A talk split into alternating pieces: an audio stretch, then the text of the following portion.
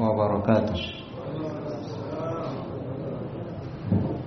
Alhamdulillahi لله على إحسانه syukru له على توفيقه وامتنانه أشهد Asyadu an la ilaha وحده لا شريك له rahimani wa rahimakumullah. Di sore hari ini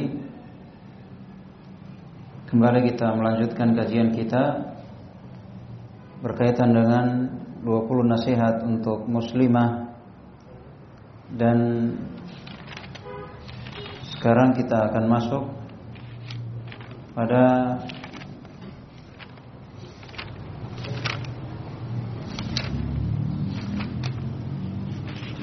nasihat yang keempat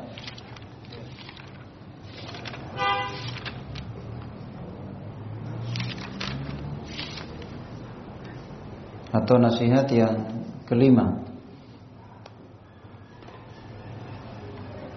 kata Syekh Badar Ibn Ali At-Tami Al-Utaybi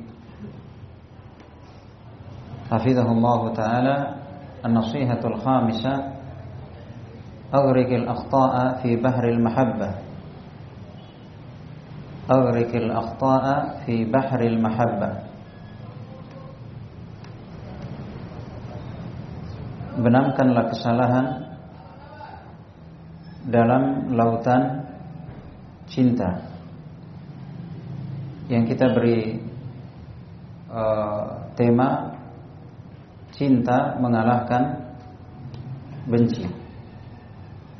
Ini prinsip dalam berumah tangga, dalam berkeluarga, dalam rumah tangga, sebagai suami istri, sebagai anak dan orang tua, sebagai bersaudara, itu harus memegang prinsip cinta mengalahkan benci. Ya, kita akan bahas nanti. Jelas ini merupakan solusi dalam mengatasi masalah sebagai suami istri, sebagai anak dan orang tua, antara saudara dengan saudara yang lain, maka prinsip yang harus dia jaga yaitu dia mendahulukan cinta daripada benci. Ya, dia lebih membesarkan cinta dan mengerdilkan dan mengecilkan benci. Iya dia lebih banyak mengingat apa-apa yang mendatangkan dan melahirkan rasa cinta daripada mengungkit-ungkit masalah yang menimbulkan rasa benci. Ini merupakan eh, prinsip yang harus dijaga agar bisa mengatasi mengatasi masalah ya dengan baik, artinya tidak menyebabkan Eh, masalah yang berikutnya atau menyebabkan masalah semakin parah. الله تعالى لما خلق خلق الزوجين الذكر والأنثى وشرع بينكما بينهما الاتصال بالتزاوج بما أحل الله سبحانه وتعالى جعل بينك وبينه الحب والمودة الله سبحانه وتعالى تذكر من شبتكن menciptakan berpasang-pasangan yaitu laki-laki dan perempuan. -laki Maka Allah Subhanahu wa taala mensyariatkan ya, mensyariatkan ittisal bitazawuj. Adanya eh, ikatan adanya hubungan dari dua insan yang berbeda ini dengan at-tazawuj, dengan menikah. Ya. Sesuatu yang Allah Subhanahu wa taala halalkan. Maka dengan ikatan itu, dengan hubungan itu, ya. Ja'ala bainaki wa bainahu al-hubba wal mawaddah. Maka Allah Azza wa Jal akan menjadikan antara engkau dan antara dia rasa kasih dan sayang.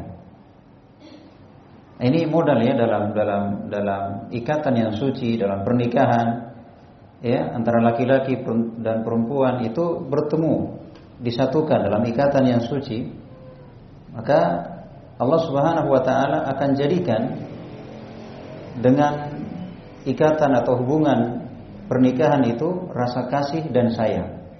Ini modal ya dalam kenapa bisa rukun, kenapa bisa tentram, kenapa bisa apa namanya bersama, ya, kenapa bisa setia hingga akhir, ya kan? Itu ada modal modal yaitu rasa cinta. Sangat besar pengaruh cinta, besar sekali dalam dalam rumah tangga, dalam berkeluarga, sebagai saudara, anak dengan orang tua, suami dan istri, itu besar sekali pengaruh cinta dalam kebersamaan. Ya, maka eh, Allah Subhanahu wa taala berfirman di surah Ar-Rum ayat 21, "Wa min ayatihi an khalaqa lakum min anfusikum azwaja litaskunu ilaiha bainakum mawaddatan wa rahmah." Inna fi dzalika laayatin liqaumin yatafakkarun. Kata Allah Azza wa Jal di antara tanda-tanda ya, di antara tanda-tanda tanda-tanda Allah Azza wa Jal maksudnya akan kebenaran Allah Azza wa Jalla yaitu dia menciptakan kalian min anfusikum dari kalangan kalian. Ya maksudnya dia menciptakan dari kalangan kita pasangan-pasangan. Alhamdulillah Allah tidak Allah tidak kasih kita pasangan dari kalangan jin atau dari kalangan hewan atau dari kalangan makhluk yang lain. Tapi Allah Subhanahu wa taala menyediakan pasangan kita dari kalangan kita, yaitu dari kalangan manusia. Nah, apa tujuannya? Litaskunu ilaiha supaya kamu sakinah sakinah ilaiha sakinah kepadanya. Ya artinya dengan pasangan itu dengan pasangan itu seorang akan sakinah. Dan itu merupakan tujuan dari berpasangan. Orang yang sudah stres orang yang sudah sering sakit-sakitan ya orang yang sudah bingung entah mau gimana itu Solusinya adalah berpasangan, maksudnya menikah. Ya karena itu tujuannya kita sepuluh ilaiha supaya kamu sakinah, ya supaya kamu sakinah tenang, ya kepadanya. Apalagi wajah ala bainakum kemudian Allah jadikan antara kalian. Jadi kita kitanya tadi itu ketika berpasangan, ya laki-laki ini akan merasakan ketenangan bersama istrinya, iya kan? akan bersama akan merasakan ketenangan bersama istrinya. Ya, kemudian wajah ala bainakum mawaddatan wa rahmah dan Allah jadikan antara kalian itu tumbuh rasa kasih dan sayang. Padahal belum kenal anak orang, mungkin beda beda beda apa ya? Beda karakter, mungkin beda menu makanan, mungkin beda tradisi, kebiasaan, bahkan mungkin beda negara, tapi perbedaan yang ada kira-kira apa yang menyebabkan mereka bisa bertahan? Modal apa itu? Perbedaan yang ada, kenapa mereka bisa bertahan? Kesalahan-kesalahan, kekurangan-kekurangan, nggak cocok menu, ya, nggak cocok kebiasaan. Kenapa bisa bersama? Ini pengaruh apa? Nah, iya kan? Paham? Jadi cinta itu besar pengaruhnya.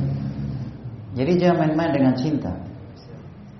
Ya, besar pengaruhnya. Jadi kalau cinta itu dirawat luar biasa. Tapi kalau cinta di cinta sembarang dan di, cinta dipermainkan, nah ini yang jadi masalah. Iya, makanya Allah Subhanahu wa taala berfirman, "Inna fi dzalika laayatin liqaumin yatafakkarun."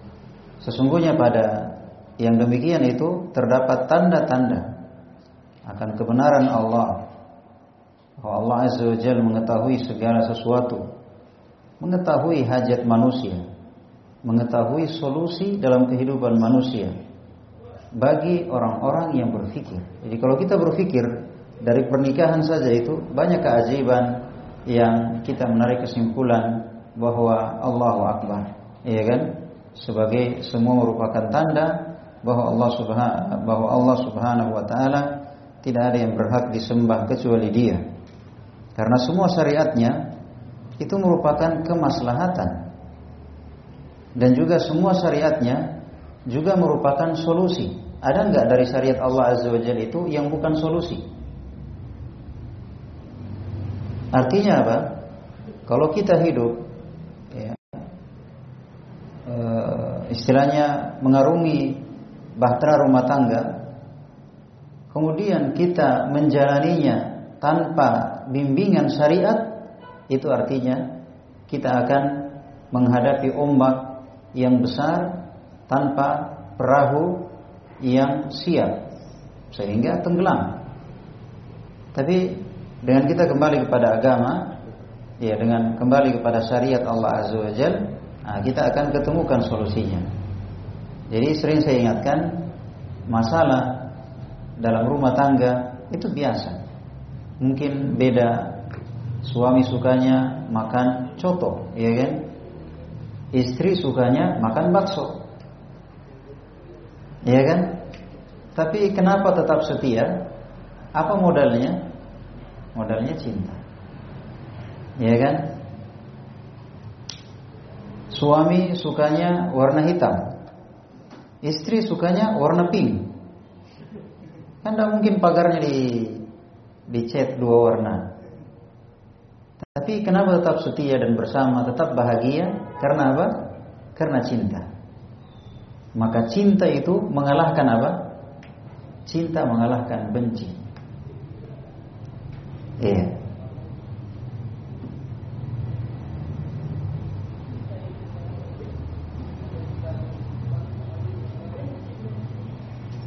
Misalnya dalam berumah tangga atau dalam berkeluarga, maksudnya sebagai suami istri atau sebagai orang tua dan anak atau sebagai sesama saudara. Ini dipakai prinsip ini, yaitu cinta mengalahkan benci. Bagaimana itu? Ketika kita bersama, ya nggak usahlah dalam suami istri yang satu nasab saja, satu darah saja, mereka bersaudara, itu pasti beda tabiat beda karakter. Ada yang galak, ada yang kalem, ada yang jahat, ada yang alim, ada beda karakter anak-anak. Artinya ini bersaudara. Mereka itu senasab. Artinya pasti ada kesalahan-kesalahan karena beda beda karakter.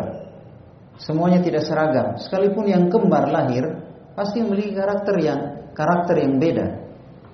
Ada karakter yang keras, ada karakter yang lemah, ya kan? Tapi kenapa dalam bersaudara, dalam berkeluarga itu bisa rukun bersama?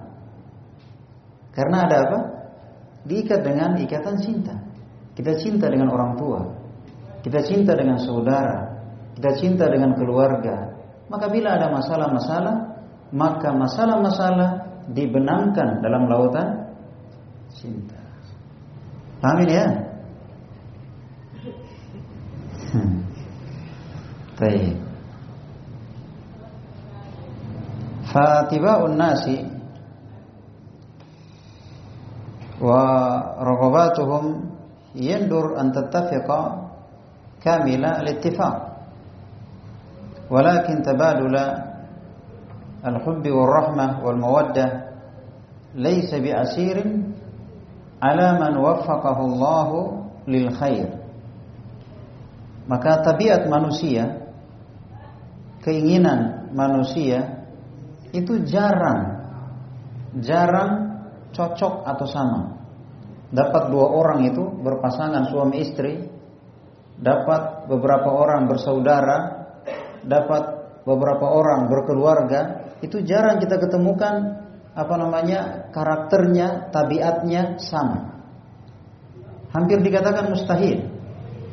Karena sedangkan yang lahir kembar saja itu mungkin dari sisi fisiknya sama, persis, susah dibedakan. Ini Ipin atau Upin? Iya, dari sisi fisik, dari sisi fisik susah dibedakan. Tapi dari sisi karakter Allah Akbar ya keajaiban dari ciptaan Allah Subhanahu wa taala. Dari sisi karakter beda. Malah fisiknya sama. Iya. Akan tetapi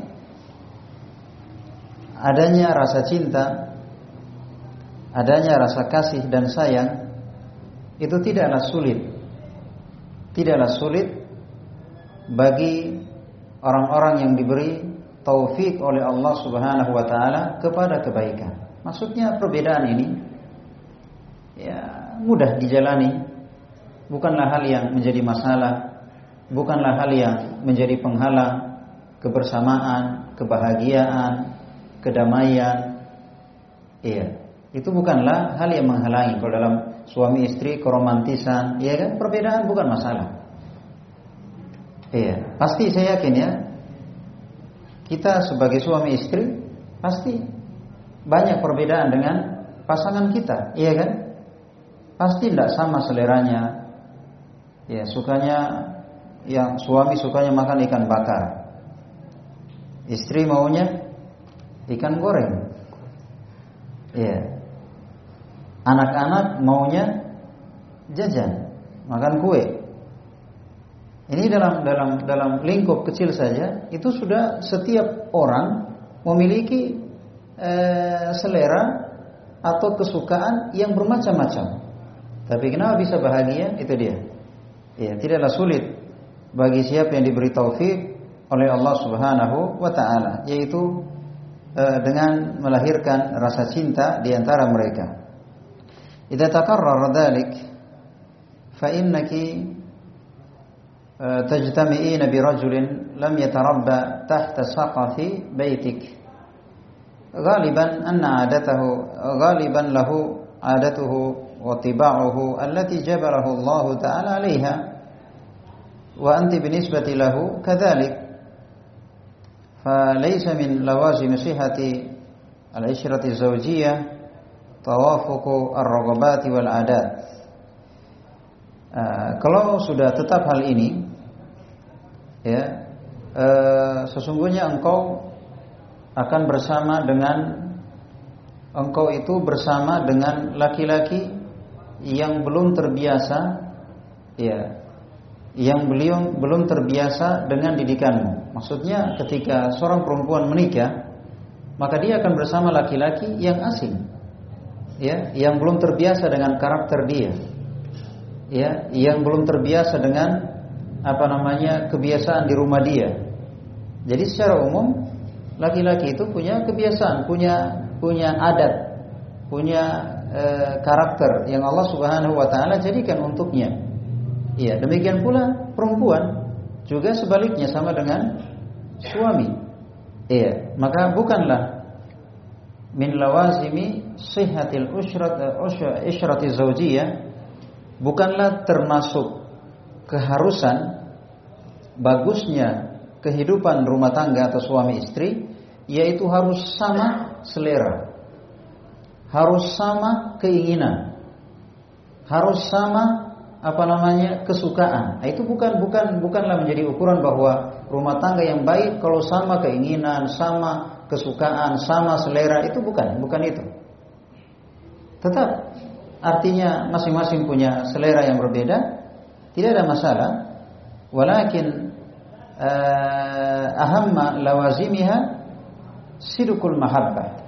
Tetapi yang paling penting yang paling penting yang yang merupakan keharusan dari berpasangan, keharusan dari suami istri yaitu sidukul mahabbah, cinta yang tulus. Itu yang paling penting. Ya, cinta yang jujur. Bukan cinta yang dusta. Bagaimana cinta dusta? Ya cinta-cinta kepentingan. Kalau ada uang, ya abangku cinta. Tapi kalau no money, nggak ada uang, abang ku tendang. Iya. Jadi termasuk yang paling penting dalam keharusan ya keharusan dalam pernikahan itu harus ada kejujuran dalam cinta. Memang ada ada kejujuran, ada ketulusan, ada keterbukaan, tidak ada apa namanya sesuatu yang dirahasiakan. Memang kita membina rumah tangga itu kita ingin kita ingin kebaikan. Ya, kita ingin menciptakan kebaikan. Bagi suami akan tercipta kebaikan, bagi istri akan tercipta kebaikan dengan kebersamaan ini. Itu yang diinginkan. Jangan ada kepentingan. Iya. Wal masyair wal mawaddat. Ya.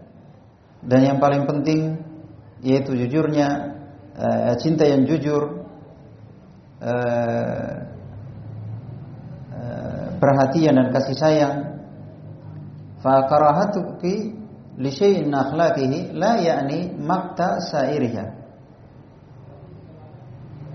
Kebencianmu terhadap sebahagian akhlaknya. Ya sebahagian ya. Artinya kan istri itu kalau lagi benci sama suami nggak semuanya dia benci. Sebagian dari akhlak suami itu dia nggak suka. Nah kalau misalnya kamu benci pada sebagian akhlak suamimu, maka jangan menyebabkan engkau benci suamimu seluruhnya. Masa hanya satu, dua, kamu benci semuanya. Kan tidak adil. Eh, maksudnya begini ya. Biasanya ini kalau eh, istri lagi marah, seakan-akan dia nggak perlu suami. Dia bilang saya nggak pernah bahagia sama kamu. Memang kau nggak pernah buat baik sama saya. Selama kita menikah sudah 10 anak ini, saya nggak pernah kebahagi merasakan kebahagiaan. Balik dia. Eh, 10 anak ini. Jadi terpaksa selama ini. Nah, sekarang kalau mau jujur ya, kalau mau jujur, dia nggak perlu suami, Gayaan aja. Kita akan jelaskan nanti bahwa jangan jangan terburu-buru dalam mengambil kesimpulan. Harus pakai betul prinsip ini. Cinta mengalahkan benci. Cinta mengalahkan benci. Coba secara akal. Sekarang ketika ada masalah, itu masalahnya berapa? Berapa hari clash dengan istri? Berapa hari? Les dengan suami. Istri bilang ya ya sudah tujuh hari malas saya dengan dia. Tapi sekarang masa bahagia dengan suami itu berapa hari? Hmm, dia tidak terhitung lah. Berarti mana yang banyak? Bahagianya apa jengkelnya? Oh jelas bahagianya karena hari-harinya nggak terhitung. Kebaikan sekarang sisi lain. Kebaikan suami, jeripaya suami, hasil banting tulang suami itu mana yang lebih banyak dibandingkan dengan apa yang kamu benci dari suami? Mana yang lebih banyak? Tentu lebih banyak apa? Lebih banyak pemberiannya daripada sesuatu yang menjengkelkan. Lantas kenapa ah, rasa bencimu mengalahkan rasa cintamu? Kebaikan-kebaikannya yang tidak bisa dihitung. Hari-hari yang bahagia yang gak bisa dihitung. Masa ini tenggelam, ya, dilupakan, dikalahkan oleh hal-hal yang membuat kita kesal hanya beberapa dan hari-hari yang membuat kita benci hanya beberapa hari. Ini mengalahkan rasa cinta, iya kan? Maka pada akhirnya orang yang tidak menimbang dengan timbangan yang adil seperti ini hanya karena mempertahankan ego, ya, hanya karena bilang harga diri, bisa tonja hidup sendiri. Nah, ini pada akhirnya menyesal. Iya, pada akhirnya dia menyesal. Tapi memang dia sudah diambil sama orang. Iya, maka mengatasi masalah itu jangan pakai marah-marah, ya. Mengatasi masalah itu harus jangan pakai uh, emosi, jangan pakai kepala mendidih, kepala yang panas. Tapi mengatasi masalah itu dengan kepala yang dingin. Jangan terburu-buru. Karena jangan paksa diri, jangan paksa diri menjadi orang yang menyesal. Jangan rusak rumah tangga hanya karena mengungkit-ungkit kesalahan dan seterusnya. Tapi hendaknya lah kita mengatasi masalah itu dengan timbangan syariat. Ya, tapi ya mohon maaf ya, khususnya ibu-ibu kalau lagi marah, oh sudah. Makanya banyak suami takut istri. Kalau lagi marah, uh, pokoknya habis kita. Ya. Tahu siapa dia. Padahal kalau kita gampang nih. Ya tak? Ya, tapi coba, coba lihat ya bagaimana agama itu hendaknya kita menimbang dengan timbangan yang adil. Terus terang para suami itu banyak mengalah. Ya, dia pikir anak-anak. Ya, dia pikir eh, banyak hal yang dipikir. Andaikan dia istilahnya mau nekat, ya nggak susah bagi dia. Banyak yang ngantri. Tapi kan bukan seperti itu solusinya, iya kan? Iya, bukan seperti itu solusinya. Karena dalam pernikahan itu yang diinginkan kebersamaan, bukan perceraian. Maka termasuk kesalahan kalau misalnya ada yang dimintai tanggapan, toh? Misalnya dia ustadz dimintai tanggapan, ada masalah rumah tangga, ada yang bertanya, apa dia bilang cerai mau? Nah, ini bahaya sekali seperti ini. Ini bukan mengatasi masalah tanpa masalah, bikin masalah. Kita senang-senang menyampaikan cerai moko. Tapi mereka nanti menyesal itu. Istri menyesal, suami menyesal, anak-anak terlantar dan seterusnya gara-gara fatwa yang tidak sebagaimana mestinya. Ini ingat prinsip dalam dalam rumah tangga. Ya, selalu menjaga kebersamaan, bagaimana selalu rukun. Ada masalah itu bukan masalah. Tapi yang terpenting bagaimana cara mengatasi masalah. Iya, sering saya ingatkan ya dalam rumah tangga. Di sini ada nggak selama dia menikah tidak pernah baku bombe dengan istrinya? Romantis terus. Ada nggak? Kalau ada yang bilang ada, bohong dia. Hmm, dipastikan bohong. Jadi masalah itu bukan masalah. Tapi yang menjadi masalah kalau tidak pintar mengatasi masalah. Dan bagaimana mungkin kita bisa pintar mengatasi masalah kalau tidak belajar?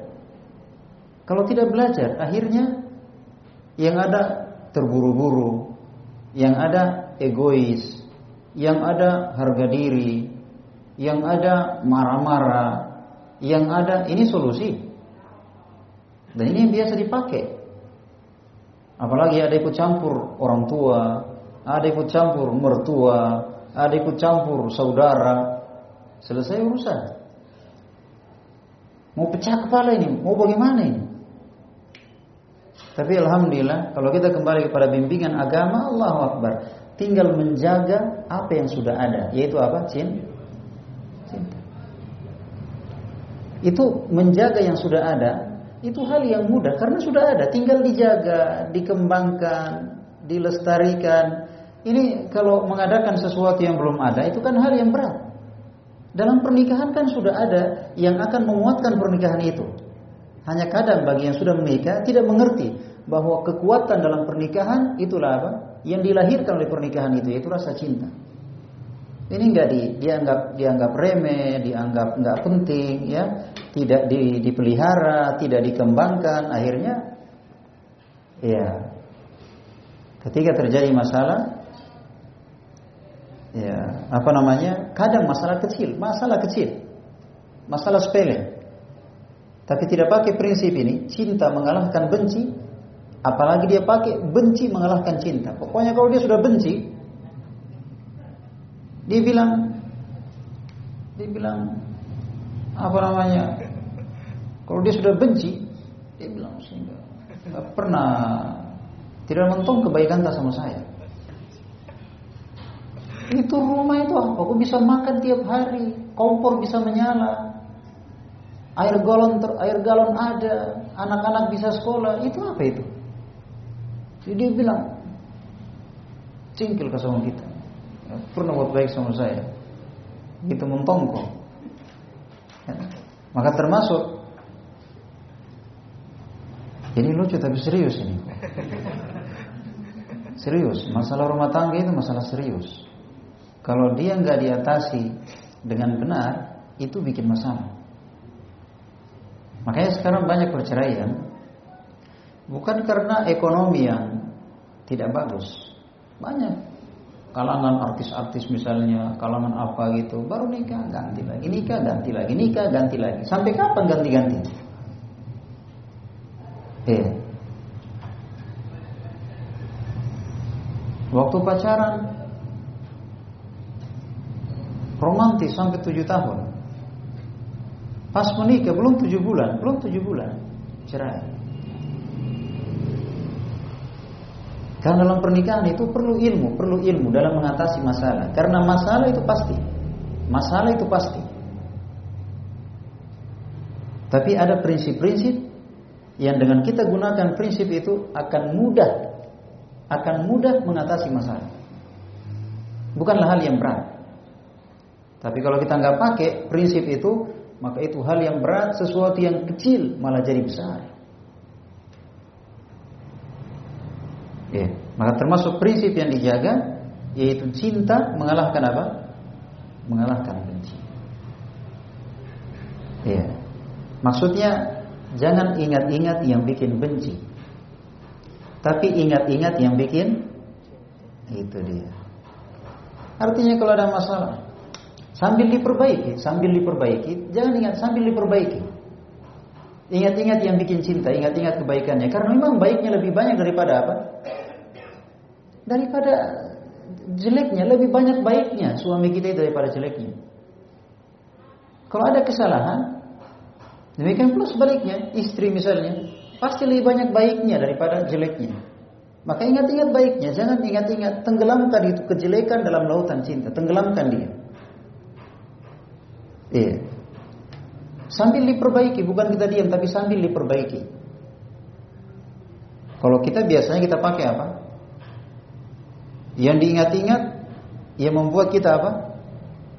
Benci. Itu terus diingat sampai tidak ingat kebaikan sama sekali. Makanya sampai keluar perkataan, memang kau tidak pernah berbuat baik sama saya. Tidak pernah cinta sama kau. Itu kalau terjadi masalah, artinya berarti dia mengatasi masalah. Ini dia rumusnya terbalik. Benci mengalahkan apa? Cinta. Ini bahaya kalau didapat oleh mertua atau saudaranya ikut campur ah. Ya kan? Jadi masalah, padahal masalah kecil. Akan datang nanti eh, kaidah juga bahwa urusan rumah tangga bahwa urusan rumah tangga, urusan suami istri itu urusan suami istri. Bukan dikit-dikit tulis status. Bukan dikit-dikit nelpon. Bapak, Ibu, ya, nama raya kak. Ya. Urusan suami istri dalam urusan konflik rumah tangga, dalam urusan pendidikan anak-anak, dalam urusan ranjang ini rahasia urusan suami istri nggak ada nggak boleh ditahu oleh siapa pun. Karena sebenarnya seperti ini diatasilah oleh suami istri gampang lah itu. Tapi ketika ada pihak lain yang tahu dan membantu mengatasinya ini seperti hakim yang mendengar satu pihak. Karena yang melapor cuma satu. Seakan-akan dia tertolimi Akhirnya datang membantu dia sebagai hakim, dia hanya mendengarkan satu pihak. Padahal seandainya diselesaikan sebagai suami dan istri tidak dibocorkan kepada siapa pun, itulah solusinya. Iya. Ini penting sekali.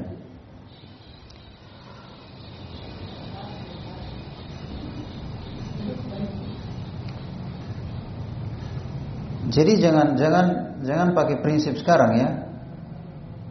Pokoknya rusak ganti. Enggak. Kalau ada yang rusak diperbaiki. Maksudnya kan Islam itu indah sekali. Yang pertama mencegah. Belum ada kerusakan, asalnya kan orang bagus kan. Hanya kan rusak karena lingkungan, mungkin rusak karena teman, mungkin rusak karena tontonan, mungkin rusak karena pergaulan. Jadi melakukan pencegahan.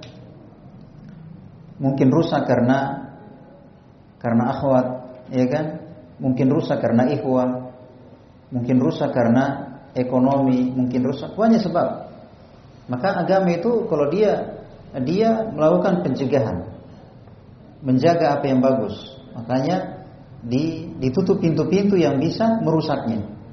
Nah, tapi ketika dia rusak, bukan dibuang sekalian, bukan, tapi diperbaiki, diberikan obatnya, diberikan solusinya, Ketika terjadi kerusakan, itu diberikan solusinya apa?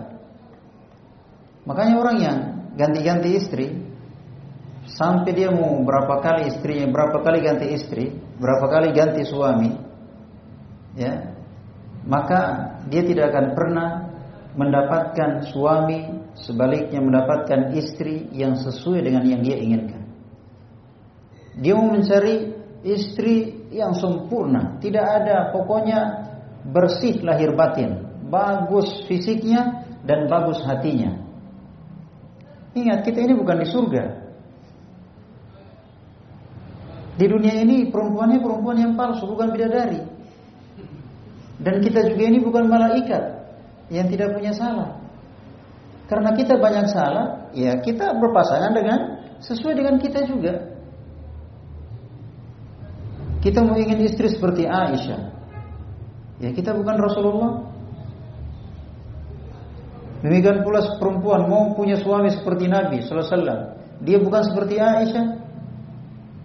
Sudah dibahas ya pada nasihat yang pertama, yaitu e, perbaikilah hubunganmu dengan Allah. Niscaya Allah akan memperbaiki hubunganmu dengan dengan manusia. Maka gak usah saling menuntut nggak usah saling menuntut. Pokoknya sebagai istri maupun suami, ya laksanakan tugas lillah. Itu merupakan ladang ketaatan dan ladang pahala. Kerjakan karena Allah Azza wa. Iya, maka Allah Azza wa Maha melihat. Allah itu Maha adil, yang baik dibalas dengan kebaikan. Dan Allah tidak akan pernah menyelisihi janjinya. Taib. Jadi prinsip ini itu cinta mengalahkan benci. Taib. Walau fassalna kulla man la yuwafiqu dhawqahu dhawq adwaquna seandainya kita memisahkan semua yang tidak cocok dengan perasaan kita ya maka tidak ada tidak ada satupun manusia yang bisa bersama kita.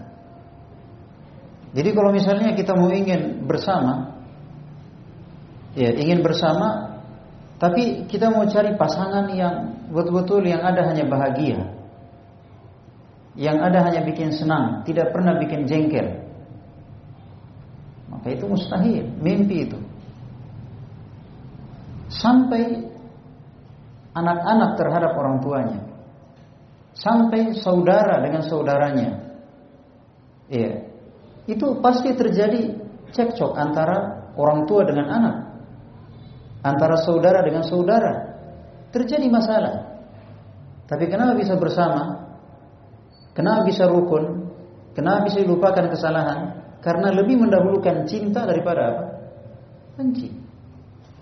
Maka itu prinsip yang harus dijaga. Iya.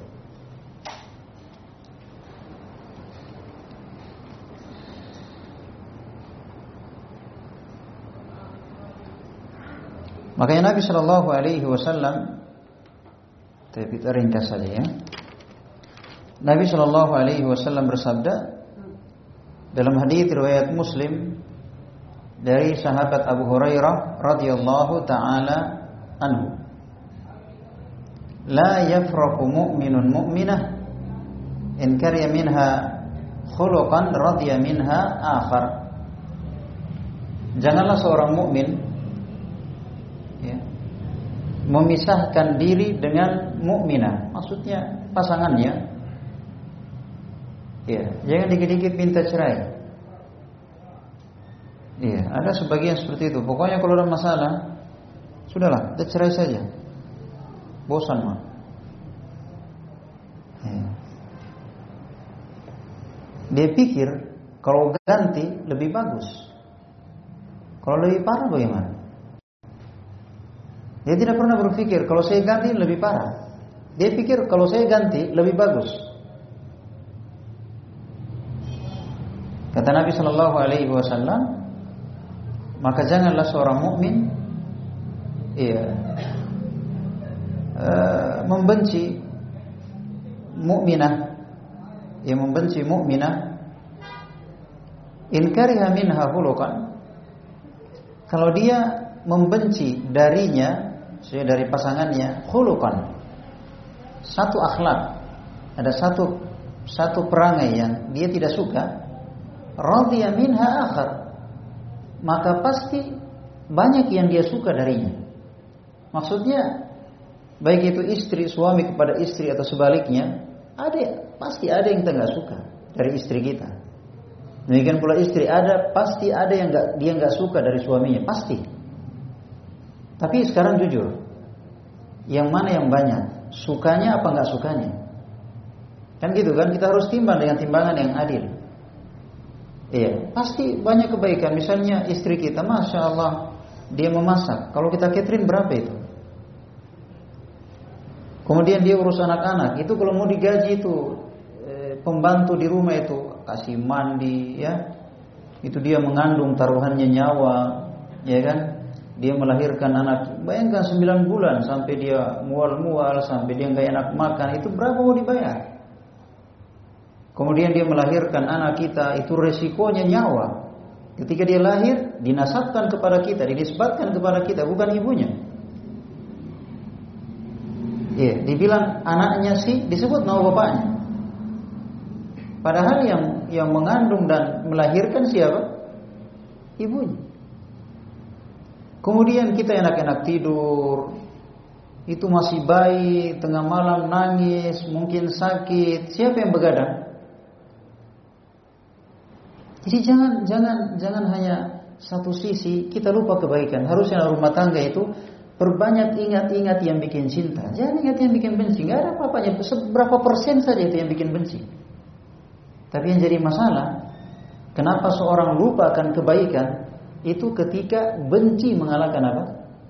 Cinta. Itu yang bahaya. Jadi mau cari mau ganti kemudian cari lagi yang baru sama saja namanya manusia namanya manusia sama saja eh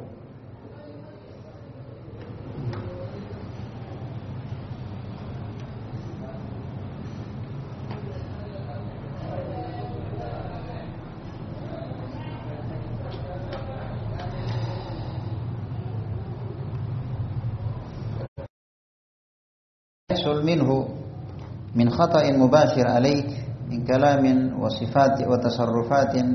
لا تجعل ذلك إعلانا إعلان حرب أهلية داخلية. وتنصب له الأداء بهذا التصرف. فقبل أن تبادريه بالرد كلاما أو هجرا أو غير ذلك اسألي نفسك binafsik. Ya. Jadi ketika terjadi masalah atau kesalahan, ya, entah itu kata-kata atau tindakan, maka jangan langsung, ya, jangan langsung jadikan itu sebagai, ya, se e, tancapkan bendera peperangan, ya, ya, perang rumah tangga. Jangan uh, jadikan itu sebagai uh, uh, sebagai musuh. Karena kesalahan langsung jadikan dia sebagai musuh. Tapi sebelum kita bertindak, sebelum kita uh, berbicara, kita membantah dengan ucapan atau perbuatan, coba introspeksi diri. Coba tanyakan kepada diri ini.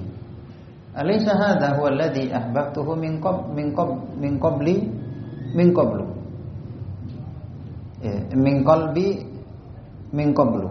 Bukankah dia, ini bagi istri ya, Bukankah dia orang yang saya cintai selama ini? Saya cinta dari hati selama ini. Nah sekarang saya benci dia. Ini saya benci baru satu hari dua hari. Saya senang dengannya nggak tahu berapa tahun. Coba-coba tanya diri, tanya diri. Kenapa bisa hanya dua hari saya benci dia, saya lupakan kasih sayang yang sekian tahun. Coba tanyakan dulu diri itu. Tapi biasanya kalau perempuan lagi marah sudah, ya pokoknya tidak ada istilah, no comment, pokoknya urusan di belakang. Ya. Ini namanya, ingat ya. Ya, waliyadzubillah kalau sudah ngaji masih begitu, waduh. Takut aku. Ya.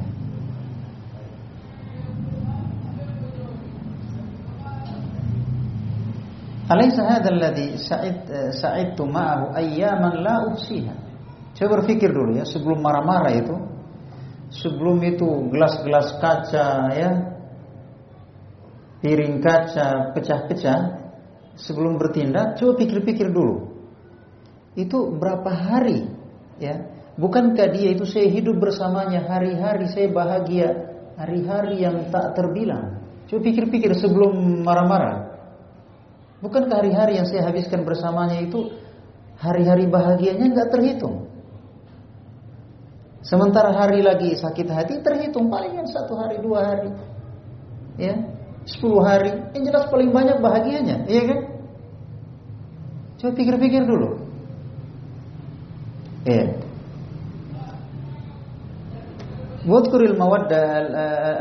At-tawila allati qadaitiha ma'ahu fi sa'adatin wa muwaddatin wa rahmatin wa ziniha bimizanil ajal. Coba ingat masa yang panjang yang kamu lalui, yang kamu habiskan dengan rasa kasih dan sayang. Coba timbang dengan timbangan yang adil. Pikir-pikir sebelum ini marah-marah ini, ya, sebelum lempar piring, lempar gelas, ya, semua kaca-kaca pecah, kaca jendela, piring kaca, ya, HP, kaca mobil pun lewat. Ya. Sebelum apa namanya terucap semua ini dan sebelum bertindak pikir-pikir dulu. Karena itu bukan solusi, bukan solusi, bukan solusi. Itu seperti itu orang berbuat seperti itu, itu dia paksa dirinya untuk menyesal. Nanti sudah sadar, sudah sadar. Wih, berapa juta lagi baru lunas lagi ini? Nanti nanti dia nanti terkontrol, nah baru sadar. Berapa lusin piring habis. HP belum lunas.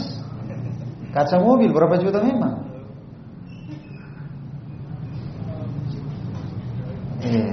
Coba pikir. Ya, jadi mengatasi masalah jangan pakai marah-marah.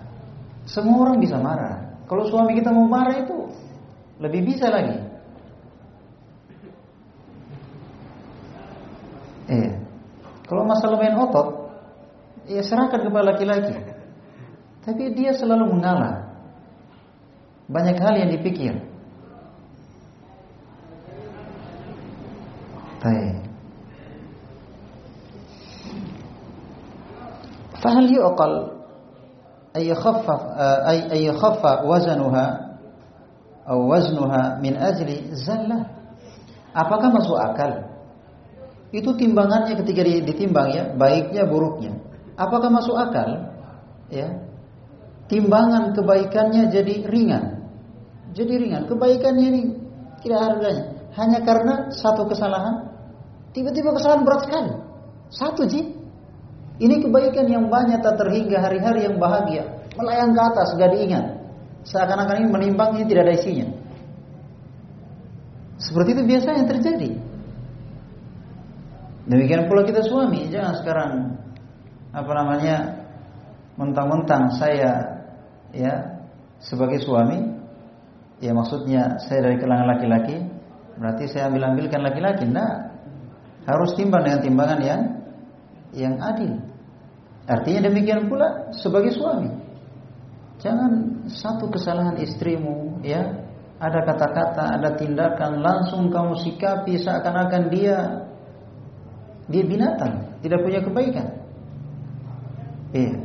Seperti itu pula sebaliknya sama dengan istri kepada suaminya dan suami kepada istrinya. Pasti lebih banyak kebaikannya. Iya. Makanya ketika ada masalah sering saya ingatkan, ketika ada masalah jangan ingat-ingat yang bikin masalah. Karena tambah masalah itu. Tapi ingat-ingat yang bikin bikin senang, bikin cinta, bikin bahagia sambil memperbaiki kesalahan. Untuk meredam emosi, untuk meredam, mengendalikan diri. Jangan ingat-ingat yang bikin marah, tambah marah kita. Iya. Makanya Nabi Shallallahu Alaihi Wasallam uh, bersabda, uh, "Laisa laisa syadidu bisur'ah, innama syadidu alladhi yamliku nafsahu 'inda al-ghadab." Kata Nabi Wasallam, bukanlah orang yang hebat, ya, orang yang hebat yaitu orang yang kuat berkelahi, orang yang kuat bergulat, tapi orang yang hebat yaitu orang yang bisa mengendalikan diri ketika marah. Nah, berarti kelemahan seseorang itu ada ketika dia marah. Kehebatan seseorang itu ada ketika dia marah. Dia orang yang lemah ketika lagi marah lepas kontrol. Orang yang lemah, paling lemah. Dan orang yang kuat ketika dia marah, ini udah gemetar sudah ini ya kan? Dikit lagi hantam, ya kan? Kalau lagi marah, tapi dia bisa mengontrol dirinya. Gimana caranya bisa mengontrol diri? Ingat-ingat yang bikin kita senang dengannya. Jangan pikir-pikir salahnya. Salahnya juga sudah terjadi. Diperbaiki apa yang ada, tapi ingat-ingat kebaikannya. Ingat-ingat yang bikin yang bikin senang, yang bikin cinta. Tenggelamkan kesalahan satu, dua, tiga itu dalam lautan cinta yang tidak bisa dihitung. Kebaikannya itu. Ya seperti itu harusnya. Ya.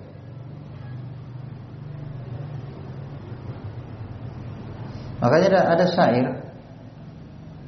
Laisal ghabi bisaydin fi qaumihi lakin uh, sayyidu qaumihi al-mutaghabi. Yang jahil atau yang bukanlah orang yang bodoh yaitu pemimpin suatu kaum. Iya. Tapi yang tapi pemimpin suatu kaum lah yang pura-pura bodoh. Maksudnya pura-pura tidak tahu. Artinya dia tahu ada kesalahan, ada kesalahan. Ah, biasa sih. Dia ingat-ingat kebaikannya sambil diperbaiki kesalahan. Seperti itu harusnya. Jangan ada kesalahan, pokoknya langsung dari sekarang. Habis rasa cintaku padamu. Yang ada sekarang hanya benci. Pergi, ya kan? Itu salah betul, salah betul. Tidak menimbang dengan timbangan yang adil. Ingat ya, kezaliman itu kegelapan pada hari kiamat. Al-zulmu zulumatun yaumal qiyamah. Kezaliman merupakan kegelapan pada hari kiamat. Maka tidak boleh berbuat zalim, harus timbang dengan timbangan keadilan.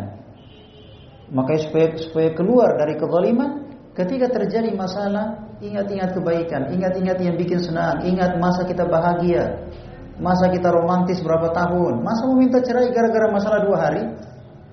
Nah, Baik.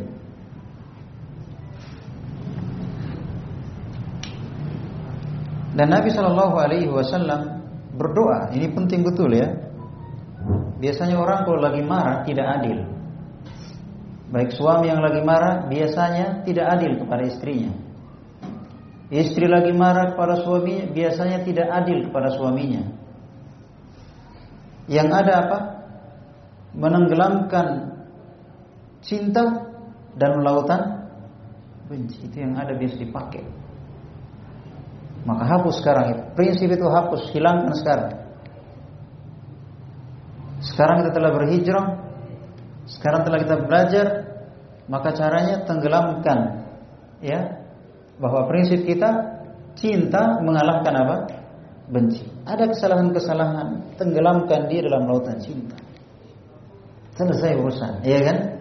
Masa hanya satu, dua, tiga, sepuluh, dua puluh. Kebaikan berapa? Nggak bisa dihitung. Sudahlah, leburkan di dalam dalam lautan cinta. Sambil nggak usah diingat-ingat, sambil diperbaiki. Dengan berlalunya hari, pekan dan bulan, sambil diperbaiki, ingat-ingat kebaikan. Ya, seperti itu harusnya kita lakukan. Iya. Makanya Nabi Shallallahu Alaihi Wasallam berdoa dalam hadis riwayat An Nasai, was'aluka kalimat al-haqqi fir ridha wal ghadab.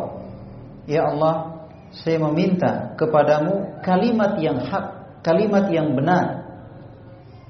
Ketika ridha maupun ketika marah. Kalau kita lagi normal, lagi nggak marah, mungkin bisa kita bertutur yang hak, yang benar, yang adil. Tapi ketika lagi marah, nah, ketika lagi marah, nah, di situ apa namanya seorang malah kebanyakannya zalim. Iya. Dan Nabi Shallallahu Alaihi Wasallam menyebutkan bagaimana cara cinta dan bagaimana cara benci. Allahu Akbar. Memang apa ya? Ya, nanti kita digoler dokter cinta. Karena berapa kadar cinta? berapa kadar benci? Iya, dokter cinta. Iya.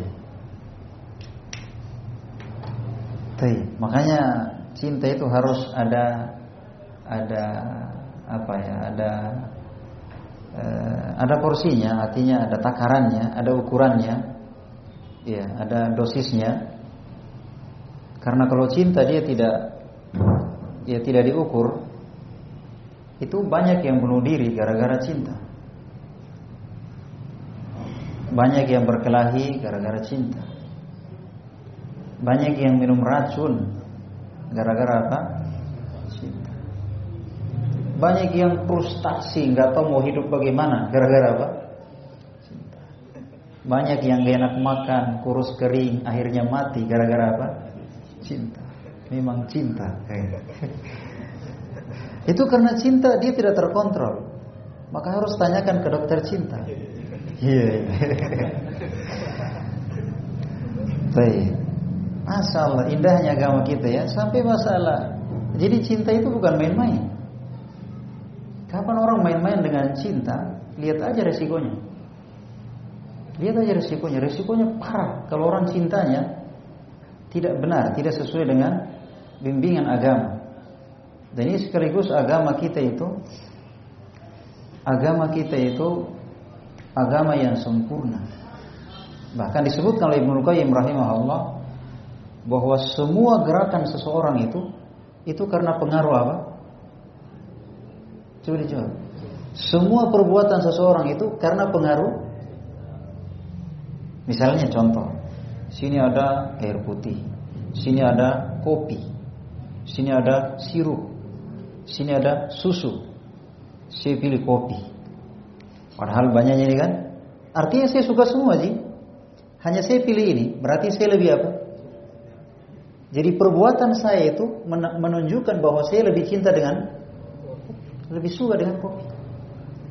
Maka perbuatan seseorang itu itulah cinta karena eh, apa namanya eh, perbuatan seseorang itu itu merupakan pengaruh cinta.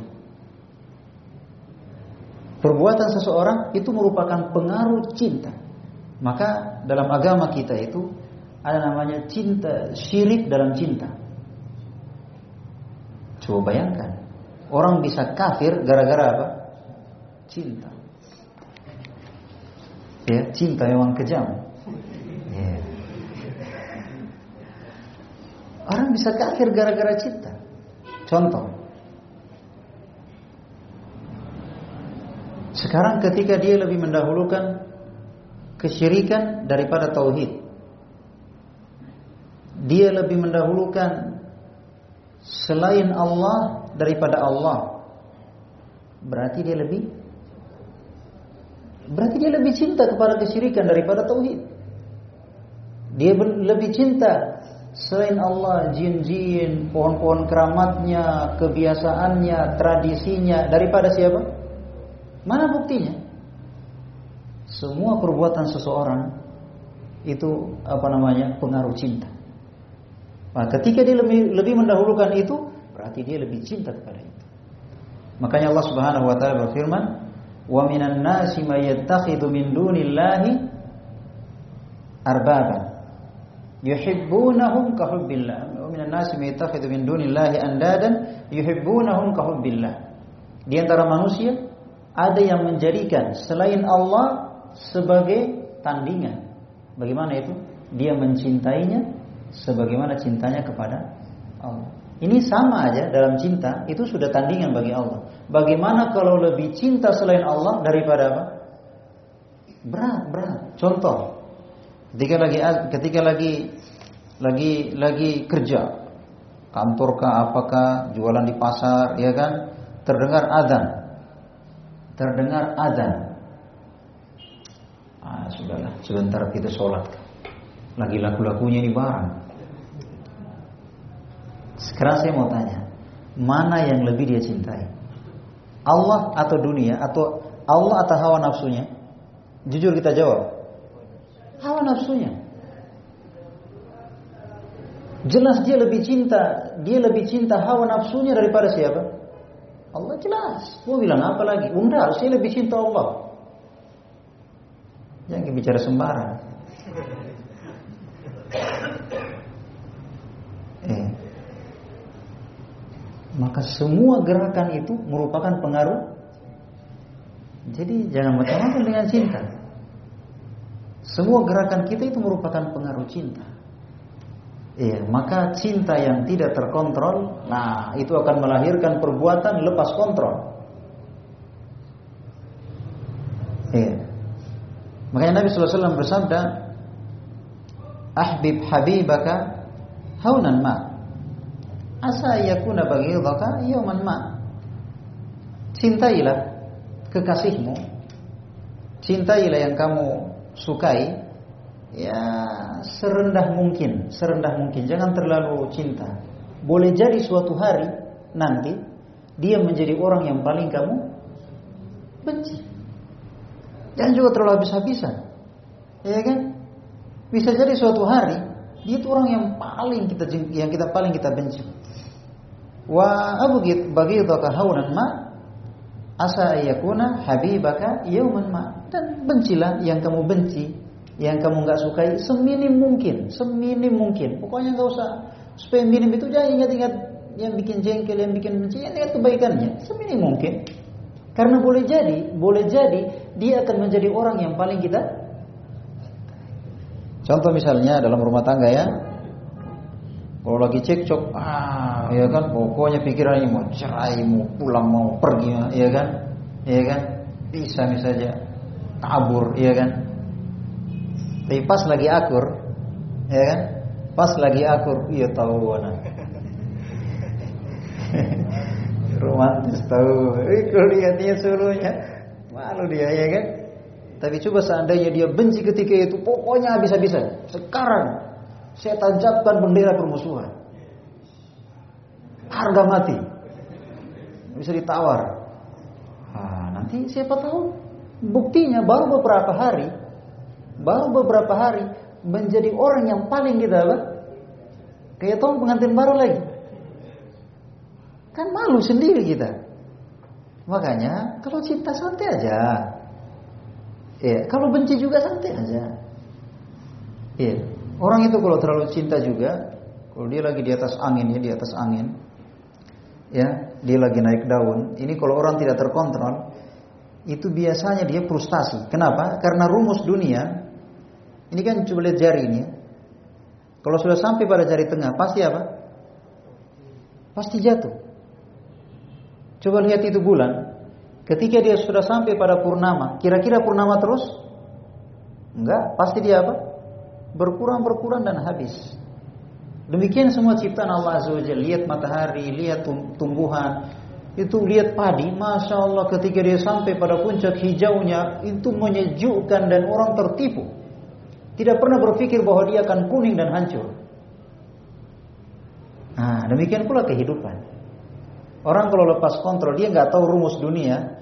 Ah, kalau lagi di atas awan, lagi naik daun, bolehlah dia happy sekali. Ah, Tapi justru orang begitu itu yang yang banyak masuk rumah sakit jiwa. Lagi menang dia, oh pokoknya senang sekali. Tapi kalau kalah, itu langsung saraf. Saraf. Eh, karena dia tidak tahu main, dia tidak tahu main cinta dan main benci. Dia nggak punya aturan dalam main cinta dan main benci. Tapi kalau kita yang sudah belajar agama, lagi ada uang, lagi apa, alhamdulillah, tidak terlalu bagaimana. Sama juga ketika lagi susah, lagi apa, lagi ada musibah, lagi sakit, lagi bangkrut. Biasa, itulah dunia. Tidak terlalu juga jengkel bagaimana. Iya kan? Jadi dia selalu pertengahan. Makanya agama kita itu mengajarkan apa? Asyirat al-mustaqim, jalan yang tengah. Yang lurus, dia tidak berlebihan ke kanan, juga tidak ke kiri. Lurus dia. Baik.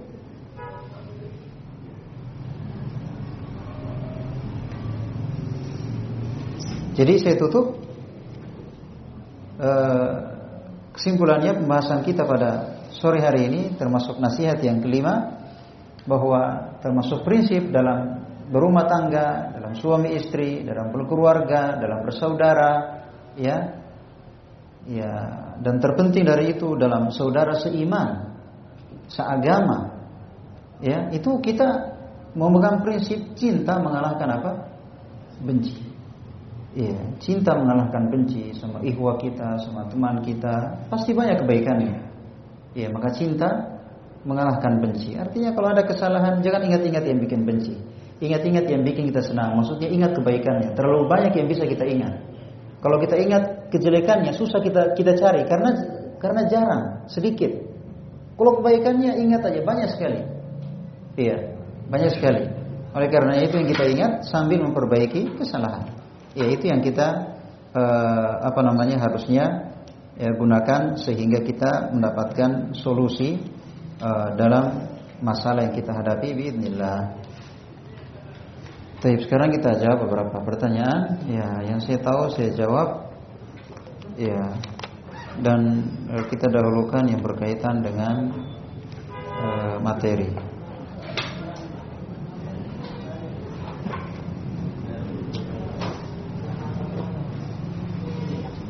Ustaz bagaimana cara menghilangkan perasaan benci dengan orang yang selalu mencari kesalahan seseorang yang sedang menjalankan sunnah? Contohnya pada kalimat dia bernikop tapi dia dia pasti masih begini, masih begini. Jawabannya Alhamdulillah. Ada yang ada yang kasih kita pahala. Ya kan? Karena orang-orang yang mencela kita orang-orang yang menggibai kita di hari kiamat nanti dia akan kasih pahalanya kepada kita sesuai dengan jumlah gangguannya, gibahnya, celahannya terhadap kita. Makanya disebut dalam hadis, tahukah kamu orang yang bangkrut? Tahukah kamu orang yang bangkrut? Maka dia sudah pukul si ini, dia ganggu si ini, dia gibah si ini, dia dustai si ini, ya kan? Maka pahala dia dia berikan kepada orang yang dia cela, orang yang dia gibai, orang yang dia ganggu, ya kan? Kalau dia sudah habis pahalanya, dosanya orang yang dia cela itu yang dia pikul. Maka bilang alhamdulillah. Iya, sudah carikan saya pahala. Kamu bikin pahala, nanti hari kiamat kamu kasih saya. Maka artinya kalau kita tahu seperti ini, gak usah terlalu, gak usah terlalu pusing dengan apa kata orang. Karena kita beragama, kita berhijrah itu bukan bukan karena orang, Bahkan kita hidup itu bukan karena orang, kita hidup karena Allah. Saya hidup karena Allah, saya hidup untuk ibadah, saya hidup untuk akhirat. Dunia mau bilang apa? Terserah, bukan urusan saya. Dan semua orang yang mencela itu ada hukum syariat. Artinya semua orang yang mencela, yang mengganggu di dunia mungkin kita belum dapat balasannya. Tapi di hari kiamat semua orang yang mengganggu kita, yang menggibai kita, yang mendustai kita, semuanya akan mendapatkan akibat dari perbuatannya berupa memberi pahala kepada kita. Semakin banyak yang gibai, alhamdulillah. Ya kan? Alhamdulillah. Makanya Nabi Shallallahu alaihi wasallam itu mengucapkan alhamdulillah ala kulli Kalau ada masalah alhamdulillah, tetap alhamdulillah ala kulli Kalau nikmat alhamdulillah. Kalau masalah alhamdulillah ala kulihat. Karena pasti ada hikmah. Ya maka itu hiburannya, tak usah pusingkan manusia. Namanya manusia itu orang bilang lidah tak bertulang. Maksudnya tidak ada yang lepas dari lisan manusia. Nabi Muhammad aja orang-orang musyrikin. Nabi Muhammad itu dibilangi apa? Orang gila. Nabi Muhammad orang yang pilihan Allah Azza wa Jalla, manusia terbaik secara mutlak. Dibilangi orang gila. Dibilang tukang sihir. Al-Quran yang merupakan kalamullah, perkataan Allah dibilangi dongeng. Bahkan Allah yang maha sempurna, Allah yang maha sempurna, lepas nggak dari lisan manusia? Tidak ada yang lepas. Allah yang maha sempurna. Dibilangi punya anak, ya Orang-orang Yahudi bilang tangan Allah terbelenggu. Orang-orang Yahudi bilang Allah fakir. Allah itu fakir. Coba bayangkan, tidak ada yang lepas dari lisan manusia. Dari, jadi kita mau berpikir manusia sanjung saya, puji saya, ya tidak ada yang celah saya. Itu mustahil, mustahil. Maka yang seperti ini ada namanya, ada namanya cuek, cuek. Maka yang seperti ini super cuek. Itu urusanmu, bukan urusan saya, terserah. Ya kan? Yang jelas kamu akan dapatkan akibatnya di hari kiamat. Cuek aja, terserah orang bilang apa itu bukan urusan saya, terserah. Yang jelas Allah Maha Adil dan engkau akan dapatkan akibatnya. Selesai. Dan saya beramal bukan untuk engkau. Saya beramal bukan untuk manusia. Terserah manusia mau celah saya semuanya, saya beramal bukan untuk manusia. Dan saya bukanlah makhluk yang sempurna. Bukanlah manusia yang sempurna yang tidak punya salah. Sudah bernikop masih begini, masih begini, masih begini. Wajar. Seandainya manusia itu langsung berubah, itu Allah Subhanahu wa taala turunkan Al-Qur'an 30 juz satu kali, langsung turun 30 juz. Tapi dia memakan waktu 23 tahun. Karena manusia itu perlu ditepat, perlu dikasih cobaan, dikasih ujian, jatuh, bangun lagi satu ayat turun, kemudian satu ayat berikutnya lagi turun. Itu sebagai membentuk karakter. Membentuk karakter. Ketika awal kali mungkin dia jatuh, kemudian dia bangkit lagi, memperbaiki dirinya, jatuh, bangkit lagi.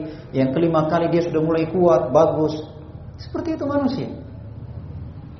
Ya. Padahal Allah Subhanahu wa taala Maha mampu untuk menurunkan Al-Qur'an 30 juz ya dalam e, sekali turun, tapi di situ ada hikmah. Iya. Dan sekarang saya mau tanya, mana yang kuat? Ya. E, mana yang kuat?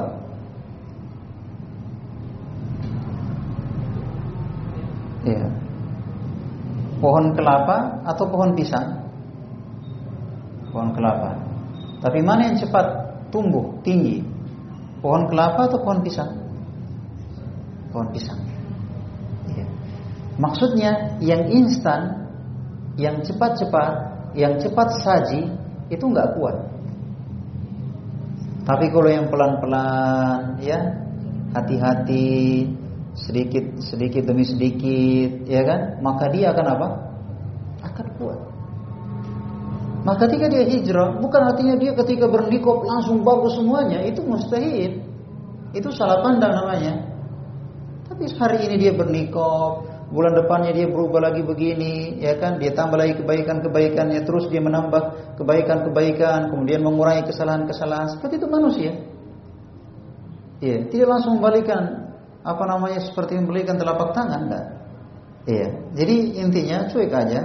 Kemudian sadari bahwa ketika kita berhijrah bukan artinya langsung sempurna, tapi seiring dengan waktu dan usaha dan doa kita Eh, apa namanya memperbaiki diri sedikit demi sedikit. Dan itu akan kuat. Dan itu akan kuat ketimbang langsung berubah. Tiba-tiba dia berubah sekali. Nah, orang-orang seperti itu itu ya orang-orang seperti itu biasanya tiba-tiba hilang lagi. Iya awalnya masya Allah luar biasa. Tiba-tiba nggak tahu di mana lagi. Iya mending yang pelan-pelan sedikit-sedikit kemudian apa namanya jatuh bangun lagi apa namanya perbaiki diri lagi itu yang kuat insya Allah Ta'ala. Iya.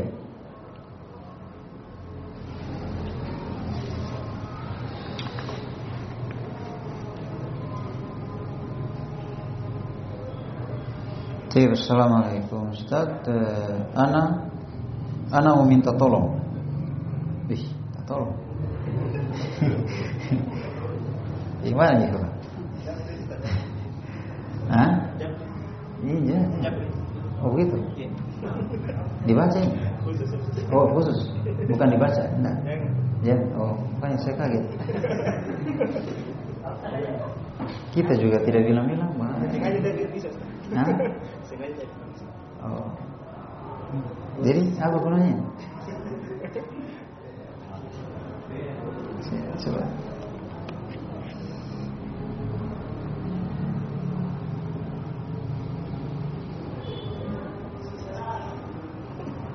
Tapi saya baca saja ya, kayaknya masalah.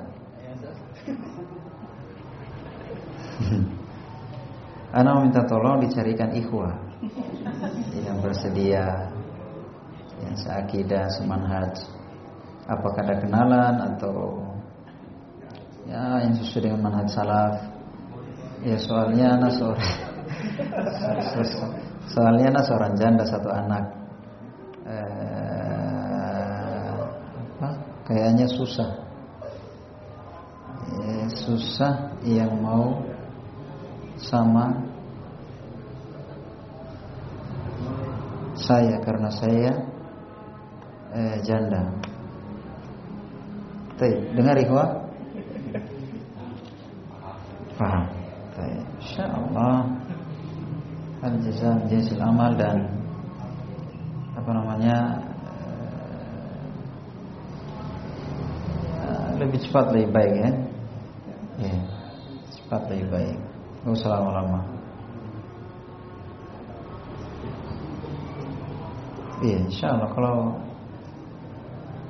kalau ada yang berminat japri, nggak usah malu-malu.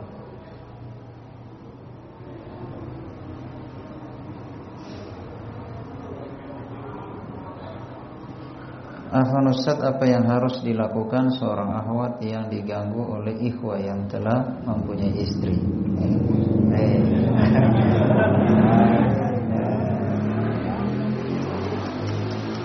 Ini terlalu berlebihan cinta ini Sampai cinta anak orang. Nah,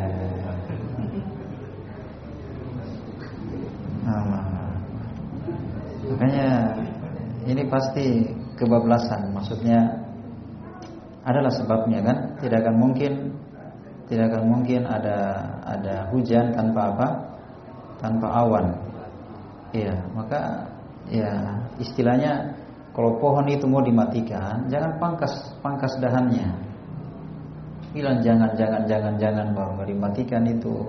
Kalau mau matikan pohon itu akarnya sekalian ya kan? Maka di sini kan ada sebabnya hilangkan sebabnya ya kan pasti ada mungkin hubungan apa gitu kan mungkin ada e, nomor telepon atau apa gitu. Pokoknya putuskan semua apa namanya sebab yang bisa mengarah ke sana itu diputuskan. Kan kalau sudah hilang semua sebabnya kan mau lewat pakai apa ya kan? Itu saja sebenarnya ya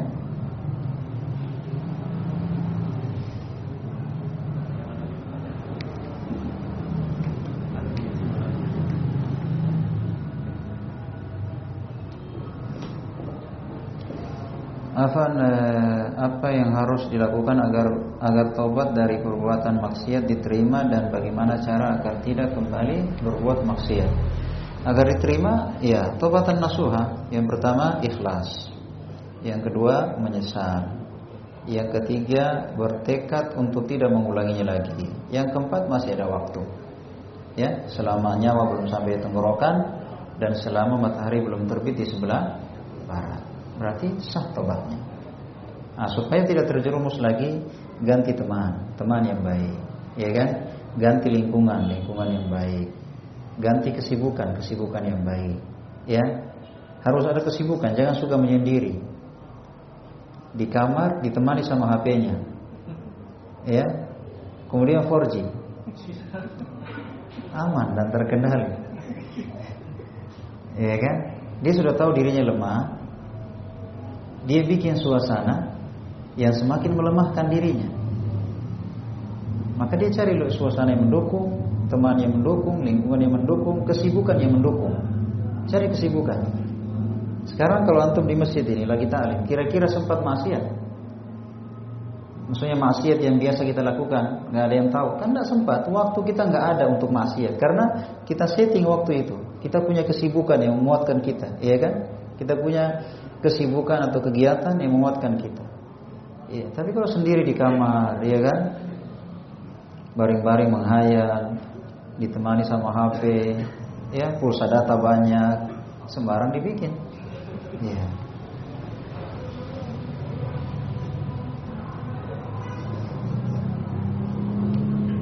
Bagaimana kiat-kiat agar rumah tangga bahagia? Ya kiat-kiatnya yang kita pelajari selama ini ya. Yang kita pelajari selama ini ini sudah masuk nasihat yang kelima. Jadi saya ingatkan kembali kiat yang pertama yaitu perbaiki ketaatan kita kepada Allah Azza wa Jalla. Yang kedua, kita harus gambarkan bahwa kebaikan sebagai suami, eh, sebagai istri itu berpahala jihad. Berpahala jihad. Kemudian suami itu sedekah yang termahal, yang terbaik yaitu sedekah kepada siapa? Istri. Kemudian yang ketiga, gunakan sifatmu sebagai perempuan karena itu merupakan senjata yang terkuat untuk menaklukkan hati suami. Apa itu sifat perempuan? Dia itu lembut, ya kan?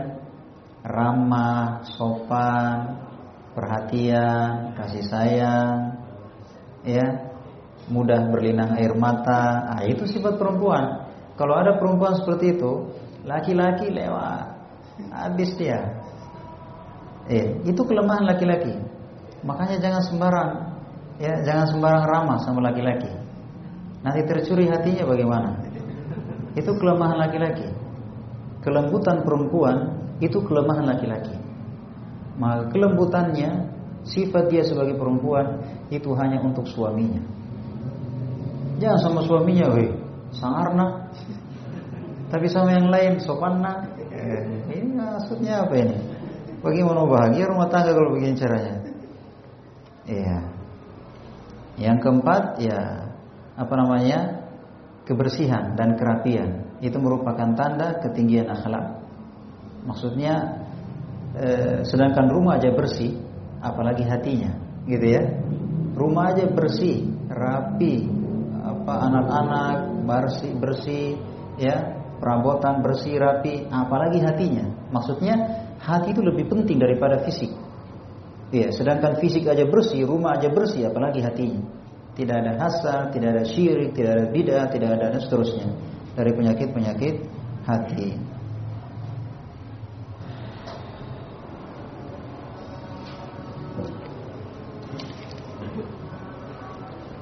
Baik, mudah-mudahan apa yang kita dengarkan pada kesempatan sore hari ini uh, bermanfaat bagi kita semua.